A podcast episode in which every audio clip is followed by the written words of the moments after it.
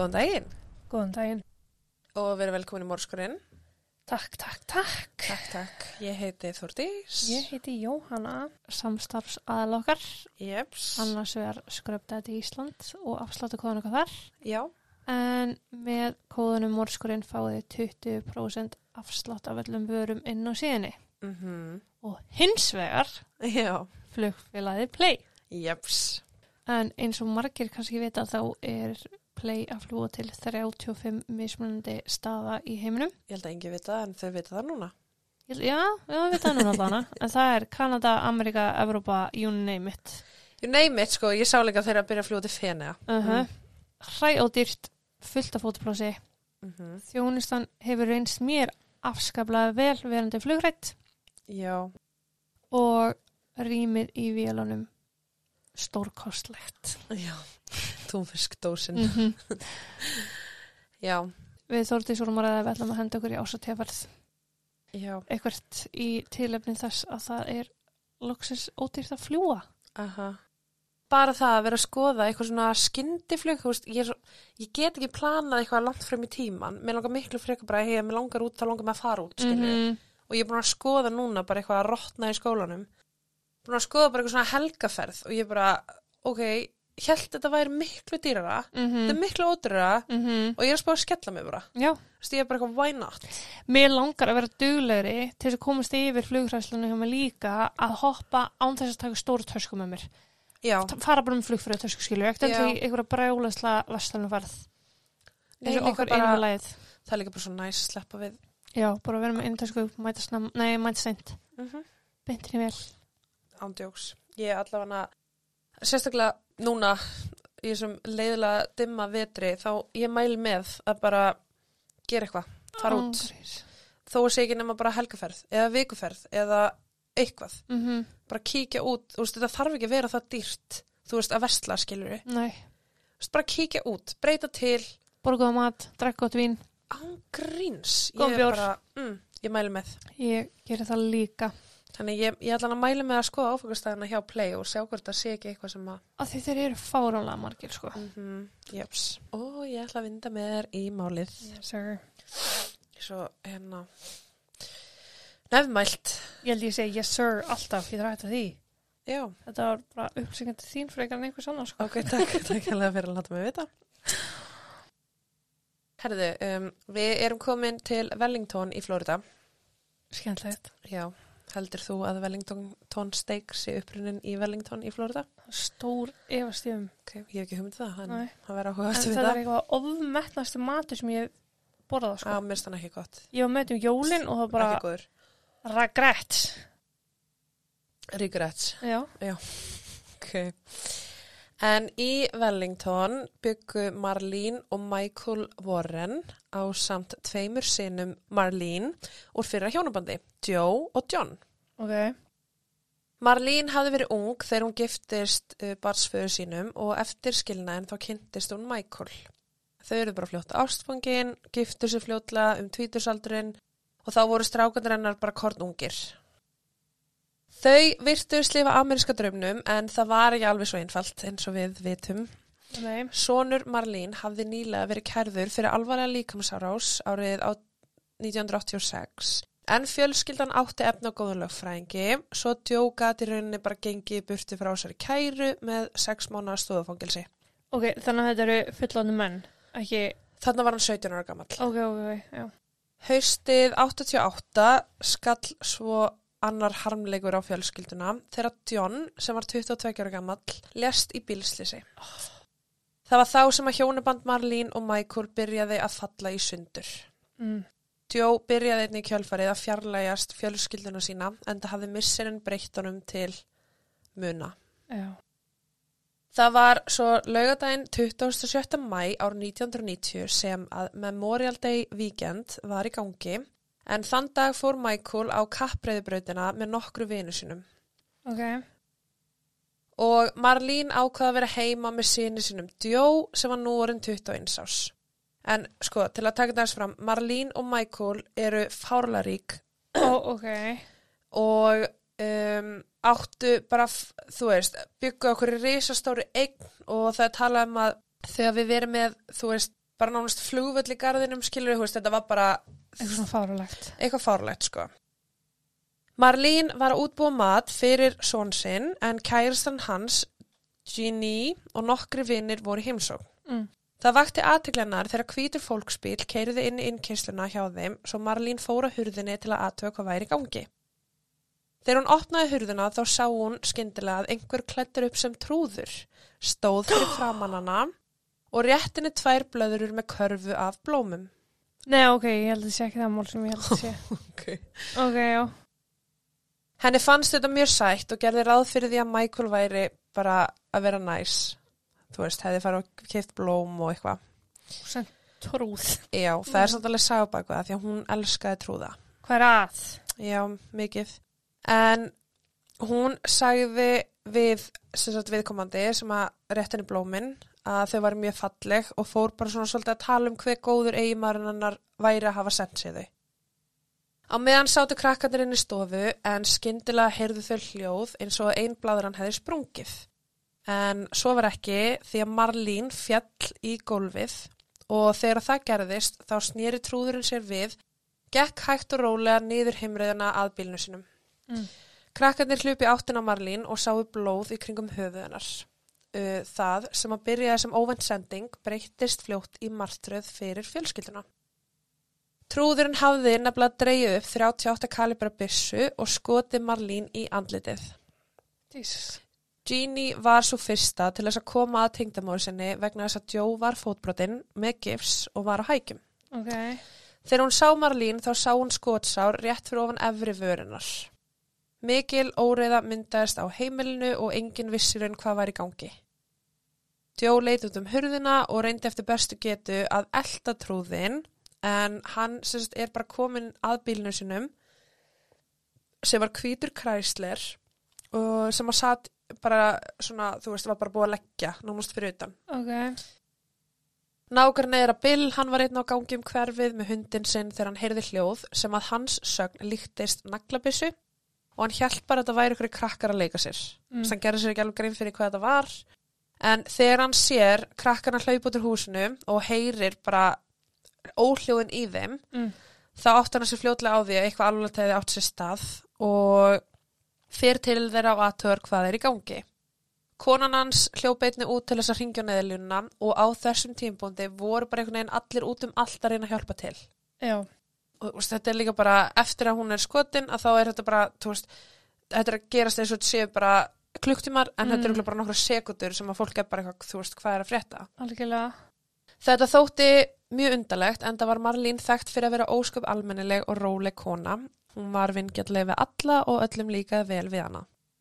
Joe öskraði og bölvaði og reyndi að ná bílnúmerinu á bílnum en gata ekki. Hann hljóp á samt kæristunum sinni að bílnum sinum og reyndi að fylgja sérst á eftir bílnum.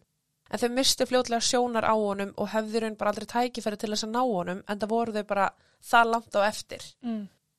Lauruglan mætti á svæðið á samt sjúkrabíl sem að fór strax í að vinnað áverkum Marlín og að lokum var hún flutt á sjúkrás til aðhlýningar. Hún var í lífshættulegu ástandi en það hafði kúlan farið beint í gegnum munnin og hálsin og að lokum sest í mænuna svo hún var bara í kjölfari sett í öndunavill. Ok. Joe, sonurnar, var við hliðinar all tíman en hún var sérst meðdundalaus en það var stundur sem hún náði meðdund og bað sérst bara Joe um að yfirgefa sig ekki. Mm. Hún náði svona rétt svo opna augun, segja eitthvað og svona aðeins, þú veist, Væntalega frekar ítla áttuð. já. En hún náði líka að segja honum hver mikið hún elska hann. Á sama tíma fekk Michael símtal um hvað hefði gerst og komins fljótt og hann gatt. En hann hafði náttúrulega verið á kappreiðbröndinu með vinsunum. Akkurat. Marlín vaknaði hins vegar aldrei aftur og fjölskyldan varð að taka það erf- erfiðu ákvörðun um að taka hann úr sambandi. Segir maður ekki taka hann úr sambandi? Ekki taka hana úr sambandi kannski. Taka, hann vél úr sambandi. það var hans leðilegt, þú var bara með þetta og væri að taka hann úr sambandi. Uh, taka vélarnar úr sambandi Takk. og hún var því formlega úrskurður látin þann 28. mæ árið 1900 1990 eða tveimu dögum eftir að árásun hefði átt sér stað. Ok.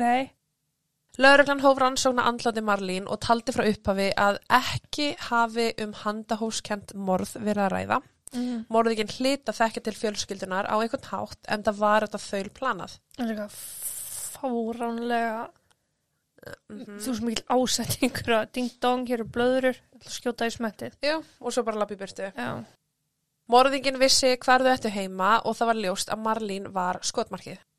Mögulega vissi viðkomandi einni að Michael var ekki heima á þessum tíma sem að uh, gerði þetta náttúrulega bara auðvildara að fara, skjóta, fara, koma, skjóta, skjóta, fara. Enginn hafði raun séð trúðin almennilega en Djó hafði rétt svo náð að sjá augun í honum en út frá því var ekki hægt að segja til um hver var að verki.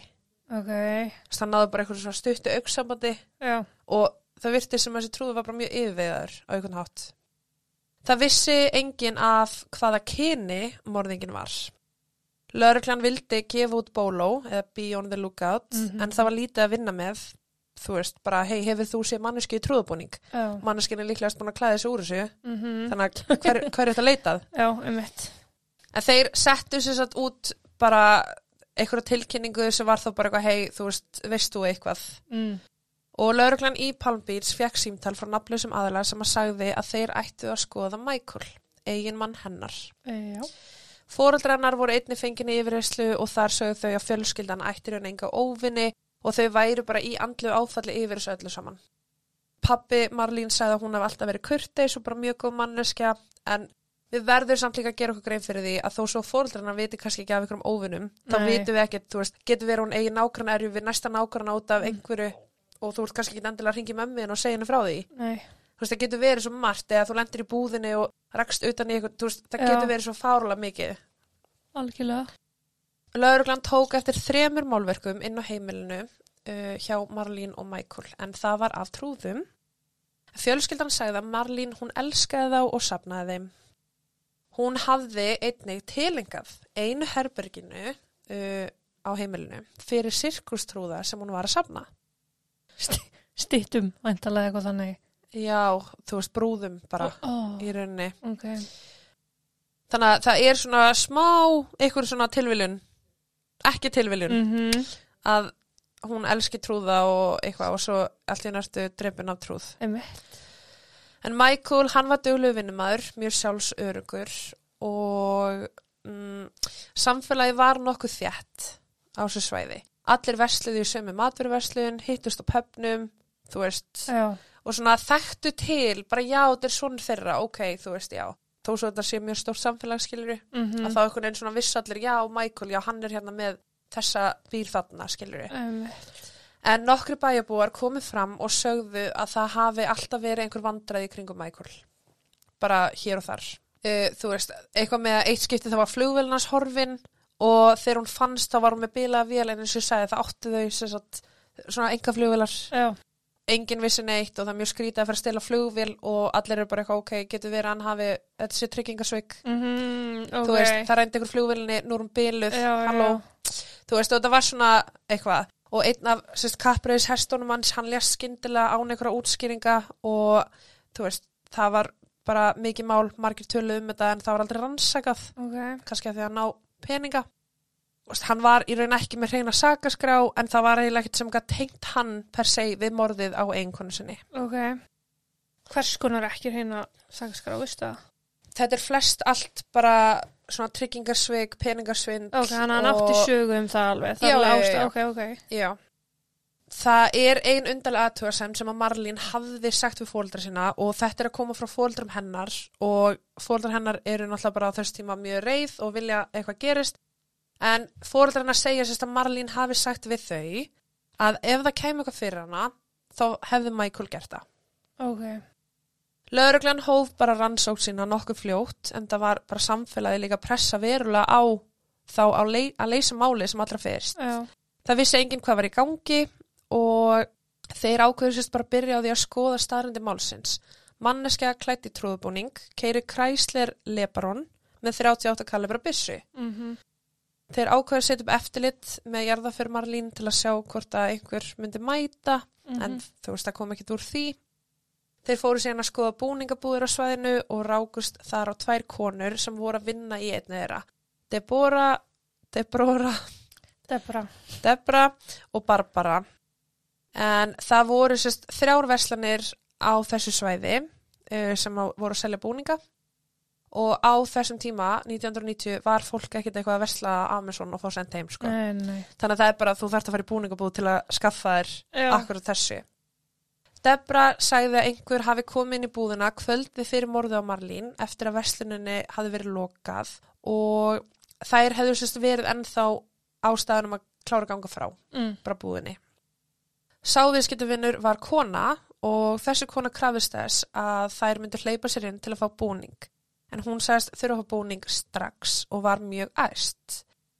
Þeim fannst þetta mjög skrítið en það var Halloween ekki nálegt, þetta var mæ Mm og þessi kona vissi nákvæmlega hvað hún vildi. Hún vildi fá trúðubúning. Hún vildi fá hárkollu, hún vildi fá gerfinefið, hún vildi fá allt Ok. þær sem sagt uh, voru með svoleiðis búning þannig að þær seldu þessari konu búning. Ok. Það ekki fram að ég segi kona. Já. Debra gaf lauruglu lýsing á konni. Hún með brún augu, hún með þykkt hár, hún var klætt í gallabuxur og var klætt í svona, þú veist, þetta er svona svo timberlandskirtur sem að kallmenn er að gangi. Mm, Þetta er svona ekta Texas, já. fattið hvað ég meina? Svona platt skýrtur. Já, sem að eru, þú veist, líklegast eru fleiri kallmenn kannski sem að gangi heldur en konur. Já. Já. Konan borgaði með peningum og þetta, þessi búningur kostaði 80 dólara. Debra spurði laurugluna hvers vegna þau hefðu svona mikið áhuga á þessari tilteknu konu og þegar hún fekk að heyra fréttunar af Marlín þá sökk hjarta hennar niður því var þá sem hún átti þess á því að hún hafði selt morðingjanum búning. Já. Önnur vending kom í málið þegar þeir fóru að skoða eina af blöðurunum en sem sagt af þessum blöðurum þá var ein sérstök bladara sem var einungis seld í einni Publix matveruverslun í Palm Beach. Ok. Já. Þannig að lauruglan fór og rætti við starfsfólki þar og starfsfólkið sagði að sá sem að keifti blöðurnar hafi einni keift blóm en það var klukkan 9.22 þannig að sama morgun Ok. einum og hálfum tíma fyrir morðið á Marlene. Já. Uh, þeir segja að þetta hafi verið hvítkona með dögt uh, þygt hár. Það voru enga myndavilar til staðar á þessum tíma og konan enn og aftur borgaði með peningum þannig að það var ekkert hægt að rekja það eitthvað nánar hvað konu þetta var. Nei. Það var samt sem aður ein vísbending sem þeir áttu eftir að finna og það myndi þrengja leitina verulega en það var bíll hins grunaða. Fjóru dögum eftir morðið fannst bíllinn yfirgefin í Vindixi bílastæði matveruverslunarinnar e, á sagt, svona Royal Palm Beach verslunatorki e, sem var um kílometr frá húsinu hennar Marlín. Já. En þeir fóru í gegnum bílinn og fundu engin vopn, engin fingrafur, þannig að þeir hugsaðu bara ok, líklegast var trúðurinn með hanska Já. og í raun kom bara ekkert úr því. Þú veist, þeir eru með bílinn en það er ekkert þetta rekja neitt. Nei. Þeir vita ekkert, vita ekkert neitt um hann. Ok. Lögreglan fór að yfirheyra starfsmenn í fyrirtækinu hans Michael og það voru nokkuð margir sem að grunaði að Michael væri í ástasambandi með einhverju konu sem að var að vinna með honum. En það var sérst orðurómur um uh, konu sem var að vinna fyrir Michael og hafði oft verið á skrifstofunni en hún var ekki, sérst, hún var sérst ekki lengur að vinna hana. Og þetta er bara eitthvað svona, þú veist, staf, starfsmennir eru bara eitthvað, herri, ég held hann sé hérna, ég held hann hafi verið haldið fram hjá, þú veist, en við, ég veit ekki með hverjum, en Bara vinnustafslúður. Já, þetta er raun bara vinnustæðaslúður og Ok. lauruglan alltaf bara grípur þetta en það er búið að segja, ok, þetta er kona Mm. hvaða konu er Michael að ríða Mm. Já, já En, sérst, á meðan þetta er að gerast þá hefði náttúrulega lauruglan tekið bílinn inn í réttaransókn og í bílnum fundust tvær mikilvægur vísbendingar eins og ég sagði áðan, þú veist, það fannst ekkert í bílnum sem gætt bent á hver þetta er Nei. en í bílnum fannst sagt, fundust appisungulir trefjar aukumanns megin í bifræðinni og í bland við trefjana voru þræðir af löngu brúnu mannshári sem að tilherði konu Ok. en ekki, ekki þannig að þú getur fundið DNA Nei. en þannig ertu búin að staðfesta að þetta er tiltekni þetta er bílinn Mm sem að trúðum kerði af því að appisungulir trefjarnir komur hárkollinni sem hún var með, hún var appsungul og brúna mannshárið er sama og Hann er sjálfur er líst, já.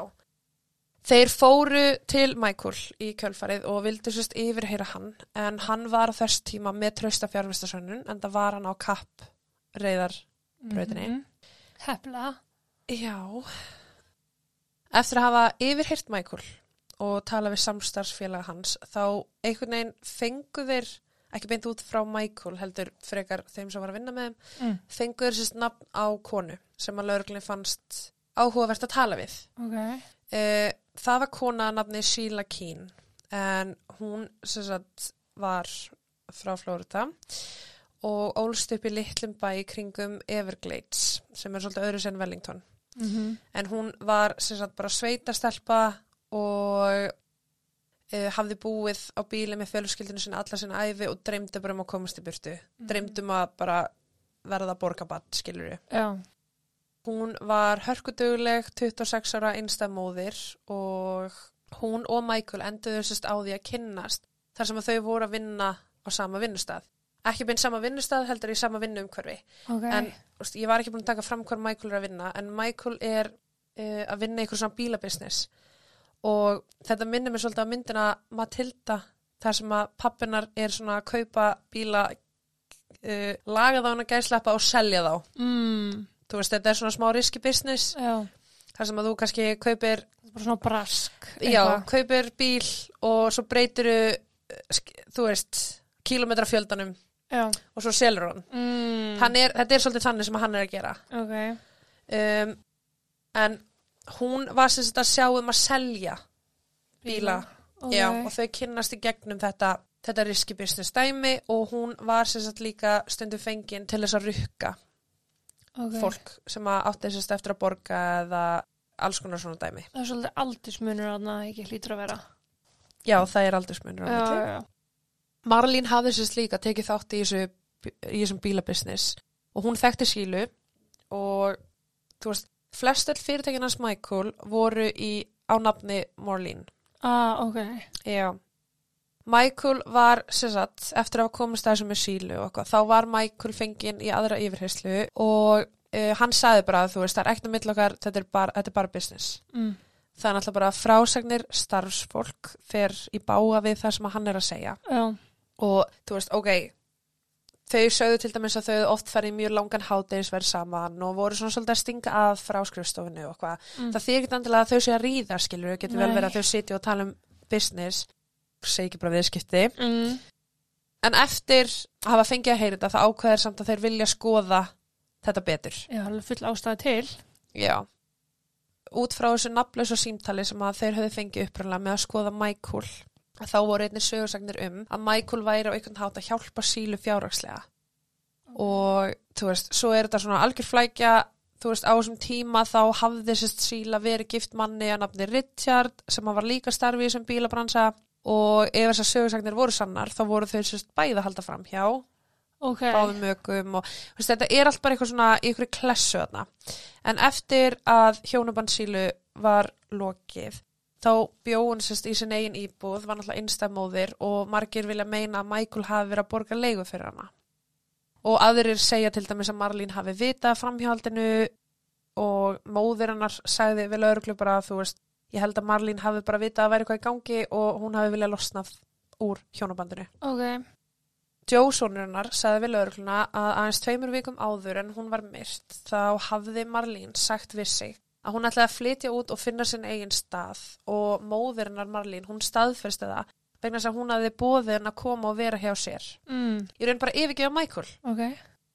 Þann sama dag þá hafði Michael verið með einhverja sölumenn hjá sér að vinna í þessu bílaviðskiptum og þessi viðskiptavinnur sem var hann sagði að Marlín hefði skyndilega komið upp á þurru og byrjaði að öskra hann og að þau hefði raun bara farið að hnakkrýfast fyrir framann og þetta er hann að tveim vikum fyrir Já. þau hefði farið að hnakkrýfast hann fyrir framann þennan viðskiptavinn og hann sagði að eftir að Marlín fór þá kom Michael til hans og sagði að hann gæti verið ríkasti maður heims og hamingi samasti maður heims sem myndi aldrei þurfa að vinna aftur ef einhver myndi losa sig við þessa kellingu. Og áttu við eiginkonu sína þá. Já. Ok. Það hljómar er svo grín en í ljósi atbyrða þá er þetta ekki fyndið. Nei. Og bara aldrei fyndið. Nei. Nei. Uh, það var ein áhugaverð vísbytting sem að kom inn á borðlauruglu um að síla hafa ykkur tímpúti sérst í trúðabúning inn í ykkur bíl fyrir utan ykkur varhlutaverslun uh, þar sem hún fór oft uh, að skemmta börnum eigandans. Mm. en það var aldrei staðfest og getur vel verið einhver hafi verið bara, eh, þú veist, Já, já. að segja eitthvað svona en þegar þeir fóru að kafa nánar út í líf hennar þá fundur skrýkna hluti um fyrirandi eigimann hennar Richard en hann var 20 árum eldri en hún og hann var sérst í KKK hann var spurður hvort að Sheila ætti byssu og hann sagði já, hún á 38 kalibera byssu en hún týndi henni um mánuði áður en að Marlín lést Mm. tilviljun, veit það ekki. Sheila er síðan fengin í yfirherslu en hún neitaði að hafa átt í ástasamti við Michael. Hún sagði að þau væri bara vinir uh, og urður síðan náttúrulega bara góður viðskipta félagar. En lögreglan var ekki alveg svona að kaupa það þannig að uh, nákvæmnarinn að Sheila voru einni yfirherðir og þeir sögðu að þeir voru nokkuð vissum að Sheila og Michael höfðu oft sérst saman, sérst íbúin en að Sheila Ok. og Sheila hafði meðal annars bætt Michael við á listan hjá sér yfir, sagt, hún býr í svona blokk þar sem að e, einungis fólk sem er á listanum á komin Já, já. og Michael hafi verið einn af þeirra sem komst inn um hliðið áns að þurfa að ringja sem að, já, Mm. why would you do that? Mhm. Þetta er bara eins og að gefa ykkur líkil á húsinu Já, sko. eða. En í raun bara, kannski var hann bara að reyna að vera virkilega góður við að hjálpa henni. Sá bara einstæða 26 ára móður sem var drulldugli í vinnunni og átti nóg, skýt nóg peningum og þú veist, akkur ekki að peningurinn fari hana eins og hvern annan. Mm. En lauruglan fekk leitarheimild hjá henni og þeir fóru og tóku eitthvað hennar og tóku einnig sérst hár sem að voru í ruslatunu heima hjá henni til að bera saman við hári sem þeir höfðu fundið í faratækinu. Og þarna á þessum tíma er þeir bara að snúa allri aðtegli að Michael uh, eftir að hafa heyrt hversu að var heima hjá sílu Mm. og þeir eru svona svolítið, það er svona smá tunnel vision. Þeir eru svolítið svona ok, er þetta ekki bara síla og Michael? Mm -hmm. og er ekkert, í raun ekkert eitthvað mikið að skoða eitthvað annað uh, en auðvitað er náttúrulega að fyrst skoða hann vegna þess að hann græðir langmest á því að Marlín sé látin, það er líftryggingin það er Mhm. öll fyrirtækin sem voru skráða hana Já. allar eigur þeirra þú veist, hann myndi ekki þurfa að láta hann að fá neitt í skilnaðanum ef hún baði um skilnað Mm eins og fóreldrar að segja Fóreldrar Marlín voru handvið sem að hann vissi að minnstu kosti meir en hann var að gefa eftir og lauruglan hafði ágjör af því að Marlín hafi pening og hún vildi náttúrulega bara eiga Michael fyrir sig. Þú veist, það er ekki til neinar upptökur af þessu, það er ekki til myndbars upptökur af trúðunum, bílunum, neitt, af því að það er náttúrulega ekki í tíma sem að fólk er komið dýrabjöllur Nei. þetta eru byrju myndavelars já og þar leiðandi er mjög erfitt að sanna það eða afsanna hvort að síla hafi raun verið í þessum bíl eða ekki Mm -hmm. Þess, þetta er líka 1990 þú veist það er ekki díðanaði neitt sem að finnst í bílnum Nei. og náttúrulega ótrúlega erfitt að rannsaka það þannig að það, þú veist, það er rosalega erfitt að staðfyrst eitthvað eða ekki en eina sem þeir hafa er það er kona Já. kefti trúðubúning en þeir viti ekki hvort þessi síla. Getur vel verið að sé ykkur allt önnur. Og það getur líka verið að Michael ef hann var að uh, sjaka sílu hann hafi verið að sjaka ykkur allt aðra skilur Já, má alveg vera. við vitum það ekki. Uh, lauruglan komst að því að þessum tiltekna bíl hafði verið stólið af sem sagt svona úr öðru bílaumbóði Mm. í rauninni svona bíladæmi sem er alveg eins og Michael er að gera businessin. Og þessi bíl lendi einhvern veginn á lóð Michael. Og það vissi engin hvernig eða af hverju. Þannig að í rauninni hafði þessum bíl verið stólið og Michael bara fann þennan bíl á lóðin sinni og ákvæmstist bara leiði einhverju pari eða já, þennan bíl. Ok. En starfsfólkið þeir sögðu að þeim hafi finnst þetta mjög skrítið, hvers vegna ætti bíl bara allt í hún að byrtast hjá þeim Já. svona um mánuði fyrir andlátið.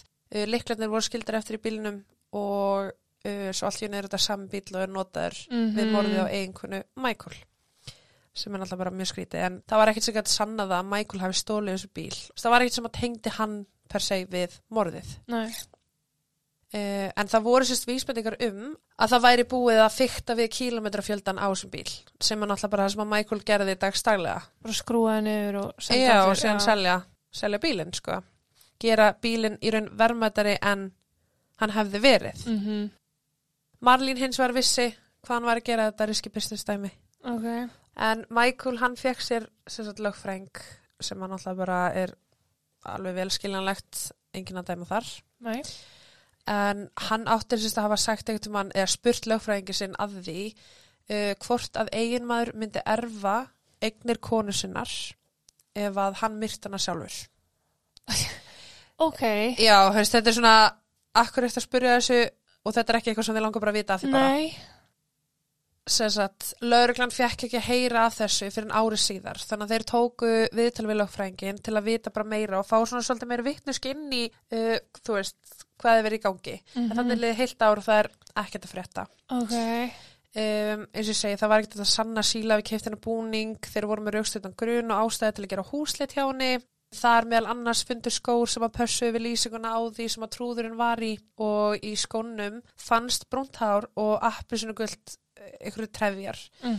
uh, sem að lita út fyrir að koma frá hárkolli Náttúrulega árið 1990 var DNA-tækni bara alls ekki nógu vel þróuð Mm og það var ekki þetta staðfesta hvort að trefjarnir væru þeir söm og fundust í bílnum Nei, en það, þú veist, það er skrítið að vera með eitthvað appisungulega trefja heimaður en samt ekki. Það getur komið úr svo mörgu. ég mun á einhverju sögu um að vera í einhverjum trúða business. Ég á ekki eins og trúða, þú veist, þú getur fengið þess að Já. appisungulega þræði út frá teppi, Já, sko. reyndar. En var ekki talað um að það hafði einhver sér, sér til hennar skemmta sem trúður almennt? Jú, en Já. það var aldrei staðfest. Nei, ok, og það var líka svolítið svona smá iffi vegna þess að auglustlega keiftum búningin kvöldinu áður. Já, reyndar, já. Þannig að það var svona, já, ok, hún er búin að gera þetta oft, ættum þá ekki að eiga búning. Mm En uh, þetta próf sem að þeir gerðu með DNA, það kom bara í raun út sem ófullnægandi. Það var ekkert hægt að gera neitt. Ok. En það er þessi tenging komin, bara náttúrulega með frásögn vitna, sjónavottarnir, um, þú veist, en eins og ég segi, þú veist, það er heldur ekkert ólögt fyrir konu að kaupa blóm og blöðurur og það er heldur ekki ólögt fyrir konu að kaupa trúðbúning. Nei, þó sé afar undarlegt í þessum kringstæðum. Já. En það voru sérst ekki nægar sannir til þess að handtaka sílu, en það þurftu þeir að vera bara handvissir um að þeir væri með réttu manneskina. Vegna að þetta er bara tækifæri sem hún fær einu sinni og þú gerir þetta ekki aftur. Nei. Bara tjafnvöldi í... Já, og ef að kvitumur telur að það sé vafi til staðar, þá er ekkert hægt að gera og það er ekkert að sækja hann til saka aftur. Nei. En síðar myndir eftir atvikinu í sambandi við lögfræng Michael uh, og hann var einnig að spyrja lögfrængi sinn að því uh, ef hann fengi eitthvað til þess að myrða fyrir sig, Sest, ef hann gerði ekki sjálfur, tók ekki ekki hann sjálfur, Já. hvort það myndi samt sem aður erfana og eða ekki og þú veist, þetta var svolítið svona, þú veist, þess að jú, þá náttúrulega var ég ekkert að framkvæma þetta sjálfur, skilur, en Mm. þú veist, og lögfræðingur náttúrulega bara svara þessu spurningu fyrir hann, þú veist, þetta er náttúrulega lögfræðingur hans. Já, en má lögfræðingunum segja frá Nei. þessu? Uh, það var Djó sem að heyrði þetta. Já, ok, og sonur, Djó, já. já, Djó kemur fram og segir lögreglu frá þessu, Ok. hafa heyrt af þessu. Ok, ok. En við andlátt eiginkonu sinnar fekk Michael útborgun frá líftryggingu Marlene uh, sem og allt búinnar uh, og hann var nú eigandi alls. Mm þegar hann var yfirherra lauruglu og öllu skipti þá sagði hann bara peningar skiptar engu máli, sko, ekki neinu máli. Þú veist, það bara hefur sínt sig og sannað að það er meira bakveða heldur en hann segir. -hmm. Michael fekk því miður ekki að eigða neinum af þessum peningum því árið 92, tveimur árið síðar, þá var hann ákjörður fyrir glæpi, aðra glæpi, ótengda málunu og dæmdur í nýja ára fangils. Akkur er ég að geta eitthvað fangil ostum en ég er að taka upp. mm, já, og var þá dæmdur í nýja ára fangilsi en hann átti náttúrulega bara mjög góðanleg fræng og endaði því að plána einungis þremur árum og nýju mánum af þessum dóm. Ok.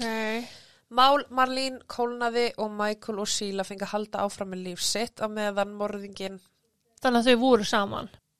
Nei, nei, þú veist bara Bara sikur lagi. bara sikur Ok, lagi, ok. já Michael var laus árið 97 og árið 2000 þá skildi Sheila við manni sinn fyrir fullt og allt. Mm. þannig að hún var með hérna fyrrandi Mhm. Richard sem var maður og ekki maðurinn annar.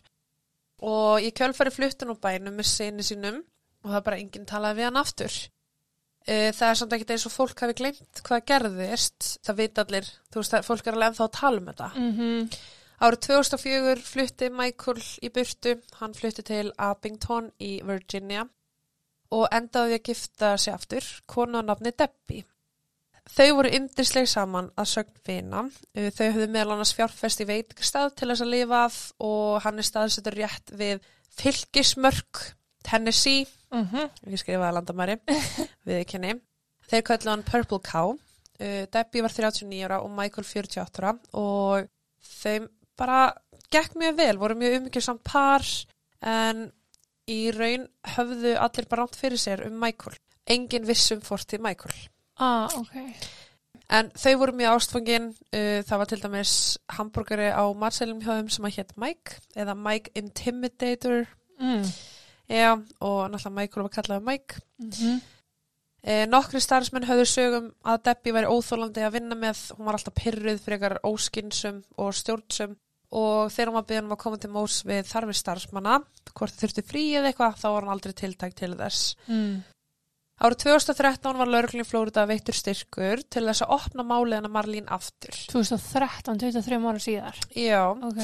en að þessu sinni var það öðruvísi þar sem að DNA-próf höfðu tekið stórskref síðan 1990. Já. E, þeir byrjaði að kalla fram gömul vittni e, til þess að láta á líka meðal annars vita að þeir væri að opna máli aftur og gátu sér staðfest að appisunugulu trefjarnir sem að fundust í bílnum pössu við þá sem að voru í íbú sílu Ah. og tilheyrði hárkolli. Þeir prófuðu síðan hárin sem að fundust í bílnum og aftur passaði það við þau sem að fundust sérst, í stígvélunum og í ruslatununina sílu. Mm. Þannig að nú erum við búin að tengja þetta tvent saman. Þeir gátur losa sig við húðfrumur úr hárunu og sérst tekið almennlegt DNA vegna þess að uh, hárunu hafði verið kipt af með rót Ah, ok. og það passaði við sílu kín. Jæja. Já. Þessi sönnögögn náttúrulega bara kom ekkert á einni nóttu en það tók náttúrulega bara marga mánuði að fara í gegnum þetta og það voru enn nokkur ár frá þessu þar til að þeir gátu farið og handtekið sílu. Mm. En þeir voru náttúrulega bara ennþá að byggja upp mál sitt og voru sérstaklega að leita af morðvopninu. Þeir byrjuðu bara að rannsaka málum frá grunni og yfirheyra gömul vitni. Um, meðal annars kom einn af eldri starfsmönnum Michael fram og sagði að nokkru dögum eftir morðið hafi Michael afhent honum nokkur skotvopn og óskaði eftir að hann myndi fela þau. Hann sagðist að hafa tekið þau og falið þau á háaloftinu heima hjá móður sinni. Hann heldur líka fram að hann vissi hvar flest af þessu dóti væri en svo í ljós kom að þetta vittni var bara ekkert með haldbara upplýsingar og hinga til hefur morðvopnið ekki fundist. Mm. Sem gerast árið 2016 sem að nágrannar Michael sjá að hann er á gröfu í garðinu sinum og er sérst að stela einhverju steinum af nágrannar sínum. Já, þú veist, þetta er eitthvað voða weird dæmi. Mm. og þegar að þessi nágranni kemur að honum þá er hann bara mjög leiðlur og þeir eru náttúrulega bara að byrja um að fara og láta vera og þú veist, enda með því það er bara rifildi þar á milli, þeir ringi laurugluna og eru bara eitthvað herðu, veist, hann er bara nánast að brjónst inn til okkar, skilja, hann er bara að taka draslega okkar eitthvað, veist, og það er bara eitthvað er mjög skrítið. Lauruglan kemur út af þessum nágranna erjum og þeir náttúrulega bara fara yfir fyrir Michael og sjá þá náttúrulega bara, já ok, herðu, hann er hérna, hafði verið grunar maður í Mhm. uh, máli uh, látnu eiginkonu sinnar og þeir fara sérst að þess að grafa í um þetta og á þessum tíma er fjölmiðlin líka búin að frétta þetta þú veist, og þetta er svona, þannig er svona opnast bara eitthvað já, ok, herðu, ú, ok þessi gæi sem að allir halda að sé bara einhver Pétur sem að hefur aldrei farið út úr búblunni sinni Já. er allt í hennu grunaður um morð. Þessi fréttamaður er að skrifa grein um málið og meðan hún er að rannsaka þetta, þá kemst hún að því að Sheila Keen er gift og ný. Uh, og þegar hún sér nafni á nýja eigimanni Sheila, þá er það engin annar en Michael Warren. Ha? Já, hver var Debbie? Ah, var það síla? Já, en rannsakandur staðfyrstu að Sheila og Michael giftu sig 12 árum eftir að Marlene lest árið 2002 í Las Vegas. Ok. Debbie var Sheila. Já.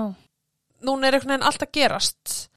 Þessi fréttamaður hefur samband við laurugluna og nú veit lauruglan hvar hún er staðsett þannig að þeir hafa samband náttúrulega bara við laurugludeildina sem að þau búa í Virginíu Mm og bara segja þeim frá hvað þeir eru að gera og, og þeir vilja sérst endilega ná handtakana og sé, séu bara með handtökurskipin á hana. Þannig að lauruglan er með sérst bara plön og þeir eru búin að fara sérst umkringja heimilið og eru reynir bara býð eftir að koma út til að lokka þau út úr heimilinu og þetta er bara eitthvað svona svaka laurugludæmi -hmm. eins og við sjáum í öllum CSI myndum en uh, þeir sem sagt Michael og Debbie Úr bíl, uh, fara út í bíl keiri burtu, laurugna eldu, stoppa þau byrjum aukskýrtinni og svo bara loka mér hann handtekinn. Og ég skrifa, hún lítur út eins og helviti skurka ég veit ekki okkur ég segi það. En hvað var Michael þá? Er hann eiginlega ekkert eitthvað að pyrra sig á því okkur konan hans er handtekinn? Nei, nei. Já. Um, en þarna hafði Debbie, eða Sheila, skiptum nafn, skiptum útlit, hún var á hann ljóserð og hún var þá þegar handtekinn og ákjær fyrir að var myrt Marlín Varren. Það fyrsta sem Michael uh, spyr er, er ég handtekinn líka? Og lögreglan segir nei og hann bara eitthvað, ó, ok. Frábært. Frábært, já. Sjáumst. Já. Lörgla kemst einni að því að Debbie hafði verið úti að djamma með uh, samstarfsfólki þegar einhver kemur til hennar og hún var blindfull og játaði allt fyrir þeim. Hún sagði að hún héti Síla, hún hefði klætt sig upp í trúðubúning og hún hefði drepið eitthvað. En að sögn þessara starfsmanna þá höfðu þeir séð myndir af Sílu og þeir voru bara gákað þetta er samt ekkert líktinni þannig við eiginlega trúum henni ekki. Ok. Þú veist, og þetta var eitthvað svona að hún hafði sagt það við fólk og það voru allir bara eitthvað já, nei, hún er að ljúa þú veist, hún er, já uh, í kjölfara þessu var bara allt allt skoðað uh, það var meðal annars þannig að Joyce móðir Michael, hún sagði uh, kom fram og sagði lögreglu að Síla hafi sagt henni mánuði fyrir andlat Marlín að hún væri ástfangin af Michael Ok. og það hefði verið eitthvað eitt skipt í april ára 99, 1990 mánuð ára Marlín Deyr sem að þær lendi ykkur rifrildum vegna þess að þau voru á kappreiðbrautinni og Síle fekk eitthvað reyðiskast að hún gæti ekki setið hljóna Michael að því að móður Michael satt þar þetta er bara eitthvað svona algjört bull og nú er hún actually að tengja við þetta og er bara eitthvað, oh my god, ok, Já. var þetta hún Samt sem áður var einnig farið gegnum bankaskrár Michael og í ljós kom að móður hans hafi fengið næstu því 150.000 dollara vegna sölu skuldabrifa og hlutabrifa aðeins sex mánuðum fyrir andla og tengda dóttur sinnar. Rannsakandum fannst þetta mjög skrítið að hún var að fá pening en það var með getur verið að Michael hafi verið byrjaður að á þess tíma verið að losa sig við pening Já. Til þess að hann myndi ekki missa þegar hann, ef hann er því síðan handtekinn fyrir uh, samverknað. Síla er hann handtekinn 2017, uh, hún er yfirheyrð, hún uh, neytar allri sög og svo er bara ennþá verið að vinna í málennar, hún er gæsluvaraldi um, árið 2020 þá byður Síla um að fá að vera látin laus gegn tryggingu þar til að réttarhöld myndi eigu sér stað uh, en þar sem hún hafði látið sig hverfa áður og skipt um aukinni Mhm. þá var það náttúrulega ekki samþygt uh, löffræðingarnar reyndu samt sem áður að nota COVID sem afsökun af því að mátti ekki ferðast hvert þetta að fara en Já, rosa auðvitað að koma þér samt úr landi já. Mm þú veist, Síla og Michael áttu skýtna og peningum en það hafði Michael ert allt þannig að já. þau, þú veist, það sem að peningar geta gert fyrir þeir sko Mm hún hafði einnig verið á sakaskrá fyrir þjófnað og einhver önnu brot þannig að henni var neitað um að vera sérst laus gegn tryggingu Já. eins og staðan er í dag þá hefur Síla setið í Palm Beach County fangelsinu síðan hún var handtekinn og málið hennar átti sérst að vera dómteki í september 2021 Ok. því var síðan frestað til 21. mars árið 2022 en það var meðal annars gert vegna þess hver langu tími hafði liðið frá morðinu en það þurfti að sapna saman öllum sönnugögnum, það þurfti að hafa samband við vittni síðan alltaf kom COVID sem að gerði þeim bara erfitt fyrir Já. vegna þess að allt fór í gegn- fram í gegnum Zoom Mhm. og það er búið að fresta þeim held ég sjö eða átta sinnum réttarhöldunum hennar en þau eru sérst áætlu núna í mæ 2023 Ok. og það er verið að vinna að því að, að velja tólmanna kviðdóm sem að mun uh, vera í málinu og dæmana. 33 árum setna, nánast upp á viku bara. Já, en Sheila Keen Warren, hún var frjálsferða sinna í 27 ár, þar til að hún var handtekinn Mm og hjæltur örgla bara hún myndi lifa mjög góðu lífi með Michael sínum eftir að hafa fram með hinn fullkomna glæp. En þess má geta að Michael hefur ekki verið ákjörður. Oh my god. Jeps. Það er ekki sjens að hann sé ekki einhvað Uh -huh. tengdur þessu sko. I know. En uh, rétturhöldin mæ þess ári vonandi verðum ekki frestað og líka bara hennar vegna, veist, hún er búin að sitja í gæsluvaraldi í, þú veist, síðan hvað, 2017 En það hlýtur að vera að dreyja af dómnum. Já, auðvitað, þú veist, en það, ég held að sé samt svolítið svona að lifa í óvissu í þetta mörg ár Já. um hvert framaldi er heldur að geta bara fengið dóminn sest niður og sætti við það Mhm. og svona svolítið haldið áfram. Ég held að skipti og þú veist, náttúrulega líka ástæðan fyrir því að við erum með réttláta málsmeðferð eða þú veist, að Mhm. þær þurfa að vera hraðar vegna þess að Já. þú átt ekki bara eitthvað þurfa að sitja og býða í mörg ára eftir að fá dóminn, sko. Þannig er nú samt bara bandaríkin sko. Já, og COVID var ekki hjálpa til. Ég er handviss um að Michael hafi, þetta hafi verið planað þeirra milli. Já. Hvernig ætti Síla vita það að hún elskaði að trúða? Hún alltaf vissi það ekki nema bara út af Michael. Já, akkurat. Jesus. Og ættu þau að gifta sig eftir þetta? Einmitt. Ef að hann vissi ekki neitt og hún er actually grunuð og er búin að segja það þeim grunar Sílu, Já. ætt myndi þú fara síðan og giftast konunni sem að mögulega draf konna hérna? Nei. Nei, ekki nema þú hafir eitthvað með þetta að gera. E, já. Mér finnst það segja bara svolítið mikið, sko. En það er náttúrulega saman með þetta og hitt að hérna er ekki að ákjæra nema að hafa fullnægandi uh sönnunagögn. Já, það er náttúrulega ekkert sem á þetta nema skrýtna spurningar við skilur, nei, við lagfræðingi sinn. Mm En hann, það er ekkert þetta, hann keirði hann ekki, hann, þú veist, það er ekkert sem hann gerði, þannig hann í raun bara, Hann með fullkomna fjárvist sönnun. já, Ég held í smá stundu að þú ætlar að fara að hérna segja eitthvað frá að sonurinn var eitthvað viðriðin. ó, nei, guður, nei, greið fokkin svona hans maður að missa móður sinna og bróður sinna. Já, ríkalegt sko. Oh my god, sko. En já, enn og aftur, mun láta ykkur vita hvernig, hvernig réttaldinu fara. Já, Ég er mjög spennt fyrir því, sko. Líka bara þegar svo, lil, svo langt síðan, veist, ég er spennt að heyra 1990, það er Mhm. 2023, sko. Ég er mjög spennt að heyra sko hver dómur verður, hversu langur. Já. Hvort það verður lífstíð eða hvort það verður 20 ára eitthvað. Uh -huh. Hmm. Ó já, þannig að, en já, herðu, ég ætla þá bara að segja þetta gott dag. Já. Ég segi takk og bless Mm og það er til næst. Takk og bless.